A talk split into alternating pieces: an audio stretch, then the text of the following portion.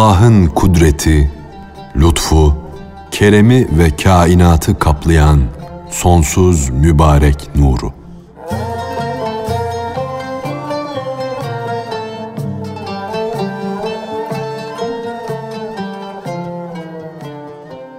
Allah peygamberleri kendi ihtiyacı olduğu için değil, lütfundan, kereminden, büyüklüğü icabı halka doğru yolu göstersinler, kurtuluşu haber versinler diye göndermiştir. Allah şu kirli çamurdan nebiler, veliler gibi manevi değerleri üstün büyük padişahlar yaratmıştır. Topraktan yaratılanları arıttı da onları üstün varlıklar kıldı. Onları göklerde yaşayanlardan bile ileri geçirdi. Allah kendi kudret ve büyüklüğü ateşinden bir alev aldı ve onu cemali tecellisi ile saf bir nur haline koydu. Sonra o saf nur ile kainatta mevcut bütün nurları parlattı. Parıl parıl parlayan o nur bütün ruhlara aksetti. Bütün ruhlar üzerinde parladı. Adem aleyhisselam da isimleri bilme bilgisini o nurla elde etti. Adem'e akseden o nuru Şid'in eli devşirdi. Hazreti Adem Şid'de o nuru gördü de onu yerine halife etti. Hazreti Nuh o nurdan feyz aldı da can denizinin hevasında inciler yağdırdı. İbrahim aleyhisselamın ruhu da o nurun tecellisine mazhar olduğu için çekinmeden, korkmadan Nemrud'un ateşinin içine daldı. İsmail aleyhisselam o nurun ırmağına düşünce kendinden geçti de babasının keskin kılıcına seve seve boynunu başını uzattı. Hazreti Davud'un ruhu o nurun şulelerinden hararetlendi. Kızıştı da o yüzden demir elinde yumuşadı, mum gibi oldu. Süleyman aleyhisselam memedeki çocuk gibi o nur feyzini emmiş olduğu için devler onun buyruğuna girdiler. Ona kul, köle kesildiler. Hazreti Yakup o ilahi nurun kazasına baş eğdi, razı oldu da çok sevdiği Yusuf'un ayrılık ateşine yandı, yakıldı. Bu yüzden oğlunun gömleği kokusu ile gözleri aydınlandı. Ay yüzlü Yusuf aleyhisselam Muhammedi nur güneşini gördüğü için rüyaları yorumlamada çok ileri gitti. Çok uyanık oldu. Bir değnek bir sopa olan asa, Hz. Musa'nın ilahi nurla parlayan elinden nurlu su içtiği için Firavun'un saltanatını bir lokma edip yuttu. İsa aleyhisselam da o ilahi nurun merdivenini buldu da o nurdan merdivenle çabucak dördüncü kat göğün üstüne çıktı. Hz. Muhammed sallallahu aleyhi ve sellem kendi manevi nurunu bu fani cihanda, bu saffet aleminde bulunca bir an içinde bir işaretle ayı ikiye ayırdı. Hazreti Ebu Bekir, Peygamber Efendimiz de o ilahi nuru bulunca öyle bir padişahın, peygamberlik padişahının çok sadık, ayrılmaz bir dostu, sıddıkı oldu. Hazreti Ömer bütün nurların kaynağı olan o şaşılacak nurun, o eşsiz sevgilinin candan aşığı olunca gönül gibi oldu da hak ile batılı ayırt etti. Faruk oldu. Hazreti Osman tertemiz bir gönülle o apaçık görüşün ta kendisi oldu da çok feyizli bir nur elde etti.'' İki nur sahibi oldu. Bu sebeple kendisine Zinnureyn dendi. Hazreti Ali o ilahi nur yüzünden inciler saçtı da can vadisinde, mana aleminde Allah'ın arslanı oldu. Büyük veli Bağdatlı Cüneyt de o nurun ordusundan yardım gördü de manevi mertebeleri arttıkça arttı, sayıya sığmaz oldu. Bayezid-i Bestami o nurun parlaklığı ile hakikat yolunu apaçık gördüğü için hak tarafından kendisine Arifler Kutbu lakabı verildi. Marufu Kerhi Hazretleri o nurun harimine bekçilik yaptığından aşk halifesi ve Rabbani nefes sahibi oldu. Ethem oğlu İbrahim o nura doğru neşeli bir halde at sürünce, o nura candan yönelince adalet padişahlarının padişahı oldu. Şakiki Belhi de o nuru bulmak arzusu ile çetin yollara düştü, zorluklara katlandı. Yolun meşakkati yüzünden fikirleri güneş gibi parlak, görüşleri keskin oldu. Adları geçen velilerden başka daha nice yüz binlerce gizli padişahlar vardır ki, o ilahi nur yüzünden nur aleminde yücelmişler, manevi makamlara erişmişlerdir. Onların adları Allah'ın gayretinden ötürü gizli kaldı. Her dilenci o mübarek insanların adlarını bilip anamadı. O büyük ve sonsuz nura can denizi ve denizlerin canı desem de layık değildir. Onu anlatabilmem için ona yeni bir ad aramam gerek. O büyük ve eşsiz nur hakkı için ki bu ve şu denilen şeyler ondandır. Bütün içler, bütün özler ona nispetle kabuk gibidir.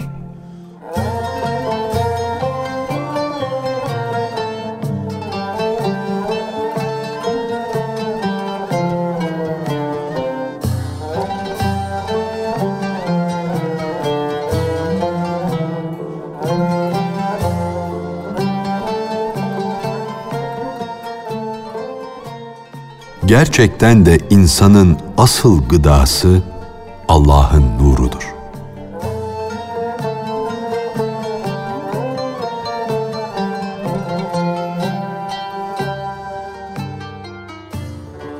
Gerçekten de insanın asıl gıdası Allah'ın nurudur. Ona hayvan gıdası vermek layık değildir. İnsanın asıl gıdası ilahi aşktır. İlahi akıldır. Fakat manevi hastalığı yüzünden insan asıl gıdasını bırakmış, bu suyu içmekte, toprak ürünleri ile beslenmektedir. İnsan asıl gıdasını unuttuğu ve yeryüzü gıdasına düştüğü için huzursuzdur. Yüzü sararmış, ayakları titremekte, kalbi telaşla çarpmaktadır. Nerede yeryüzü gıdası, nerede gökyüzü gıdası? Göklerin gıdası manevi devlete erişen Allah'ın has kullarının gıdasıdır. O gıda boğazsız ve aletsiz yenir. Güneşin gıdası aşkın nurundandır. Nebilere, velilere haset edenlerin, şeytanın gıdası ise yeryüzünün dumanındandır. Allah şehitler için rızıklandılar diye buyurdu. O manevi gıda için ne ağız ne de tabak vardır. Gönül her dosttan bir gıda alır. Gönül her bilgiden bir manevi zevk, bir safa, bir arınma elde eder. Her insanın şekli bir kaseye benzer. Göz de o kasenin içini, manasını görür ve duyar. Buluştuğun herkesten manevi bir gıda alırsın. manevi bir şey yersin. Kavuştuğun her dosttan da bir şeyler alırsın. Erkekle kadının buluşmasından bir çocuk doğar. Çakmak taşı ile demirin birleşmesinden de kıvılcım meydana gelir. Toprağın yağmurla birleşmesinden meyveler, yeşillikler, çiçekler yetişir. İnsan yeşilliğe gidince, yeşilliğe bakınca gönlü hoşlanır. Gamsız bir hale gelir. Sevinir, neşelenir. Neşe, sevinç ruhumuzla birleşince biz de iyi oluruz. Bizden iyi duygular, iyi düşünceler, iyilikler doğar. Dilediğimiz gibi güzelce gezdik, eğlendik mi karnımız acıkır, iştahımız artar. Al al beniz kanlanmaktan ileri gelir. Kan da gül rengini hoş renkli güneşten alır. Renklerin en güzeli al renktir. O renk de güneştendir. Güneşten meydana gelir. Bir şeyin bir şeyle birleşmesi kuvvet halindeki fiili meydana getirir. Şeytanın münafıklarla birleşmesi gibi. Bu manalar yani gösterilen misaller dokuzuncu kat göktedir. Ama şu bilinen derecelerden başka kat kat dereceleri vardır. Halkın dereceleri iğretidir. Emir aleminin dereceleri ise o alemin özünde, yaratılışında vardır. Halk maddi yönden üstün bir hayat yaşamak, zengin olmak, yüksek makamlara ulaşmak için horluk çeker, yüz suyu döker. Yücelmek ümidi ile aşağının aşağısı olur, hakaretlere katlanır. Şu fani olan tasalarla geçen üzüntülü beş on günlük yüceliği ümit ederler de boyunları dertten ip gibi incelir. Onlar nasıl oluyor da hakka, hakikate gelmiyorlar? Hak, yücelik içinde parlayan bir mana güneşidir. Güneşin maşrıkı, doğusu karanlık bir burçtur. Hakkın ruhani mana güneşi ise doğulardan dışarıdadır. Cenabı Hak için maşrık kelimesini kullanışım o güneşin zerrelerine yani yarattıklarına nispettedir. Yoksa onun zatı ne çıkar ne iner. Yani ne doğar ne de batar. Biz ki o hakikat güneşinin geride kalmış zerreleriyiz. İki dünyada da gölgesiz birer güneşiz. Şaşılacak şey de şu ki, yine de o hakikat güneşinin etrafında dönüp dolaşmaktayım. Buna sebep de güneşin ışığı ve cazibesidir. Şems hem sebepleri meydana getiriyor hem de sebepler Şems'in takdiriyle kırılıp kopmadadır. Yüz bin kere ümit kestim. Kimden? Şems'ten. Siz buna inanır mısınız? Ben güneşten ümit keseyim de buna sabredeyim. Yahut balık sudan ayrı düşsün de suyu istemesin. Bana inanma. Sözüme inanma. Ümitsiz bir hale gelsem bile ey Hüsamettin Çelebi ümitsizliğim yine güneşin işidir. Sanat nasıl olur da sanatkardan ayrılır? Surette var, hakikatte hiç olan, yok olan, vücudu mümkün, bir yaratıcı tarafından meydana getirilen varlık, vücudu vacip, başka biri tarafından var edilmiş olmayan varlık, yani Allah'ın gayrisinden nasıl feyz alır? Bütün varlıklar ister burak, ister Arap atları, isterse eşekler olsun, hep bu bahçede otlarlar. Fakat kör at körcesine otlar. Otladığı bahçeyi görmez de o yüzden oralardan uzak düşer. Bu işlerin, bu güçlerin o ilahi denizden olduğunu görmeyen kişi her an yüzünü yeni bir mihraba döndürür. O gafil o tatlı denizden acı su içmiştir. Yani Allah'ın iyiliklerini, lütuflarını görememiş, Allah'a şükretmediği için acı su içmiştir de sonunda o nankör olup çıkmıştır. O deniz hal dili ile der ki, ey kör, benim suyumdan sağ elinle iç de gözün açılsın. Buradaki sağ elden maksat doğru, güzel zandır.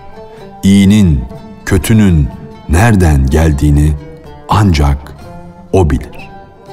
Ey mızrak! Seni de bir tutan, bir döndüren var.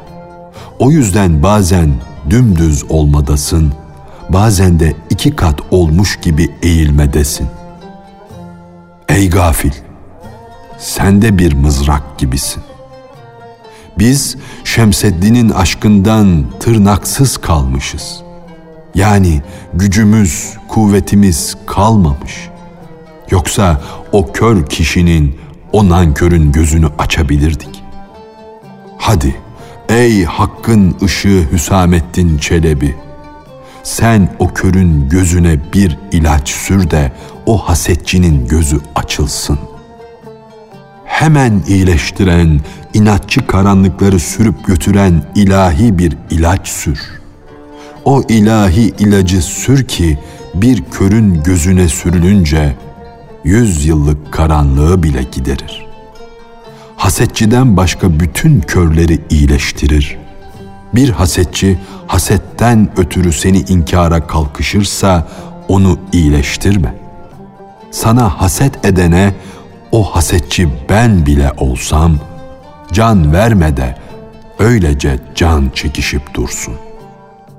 Güneşe haset eden, güneşin varlığından incinen yok mu? İşte sana devasız bir dert ki o derde düşen daima ah etmededir.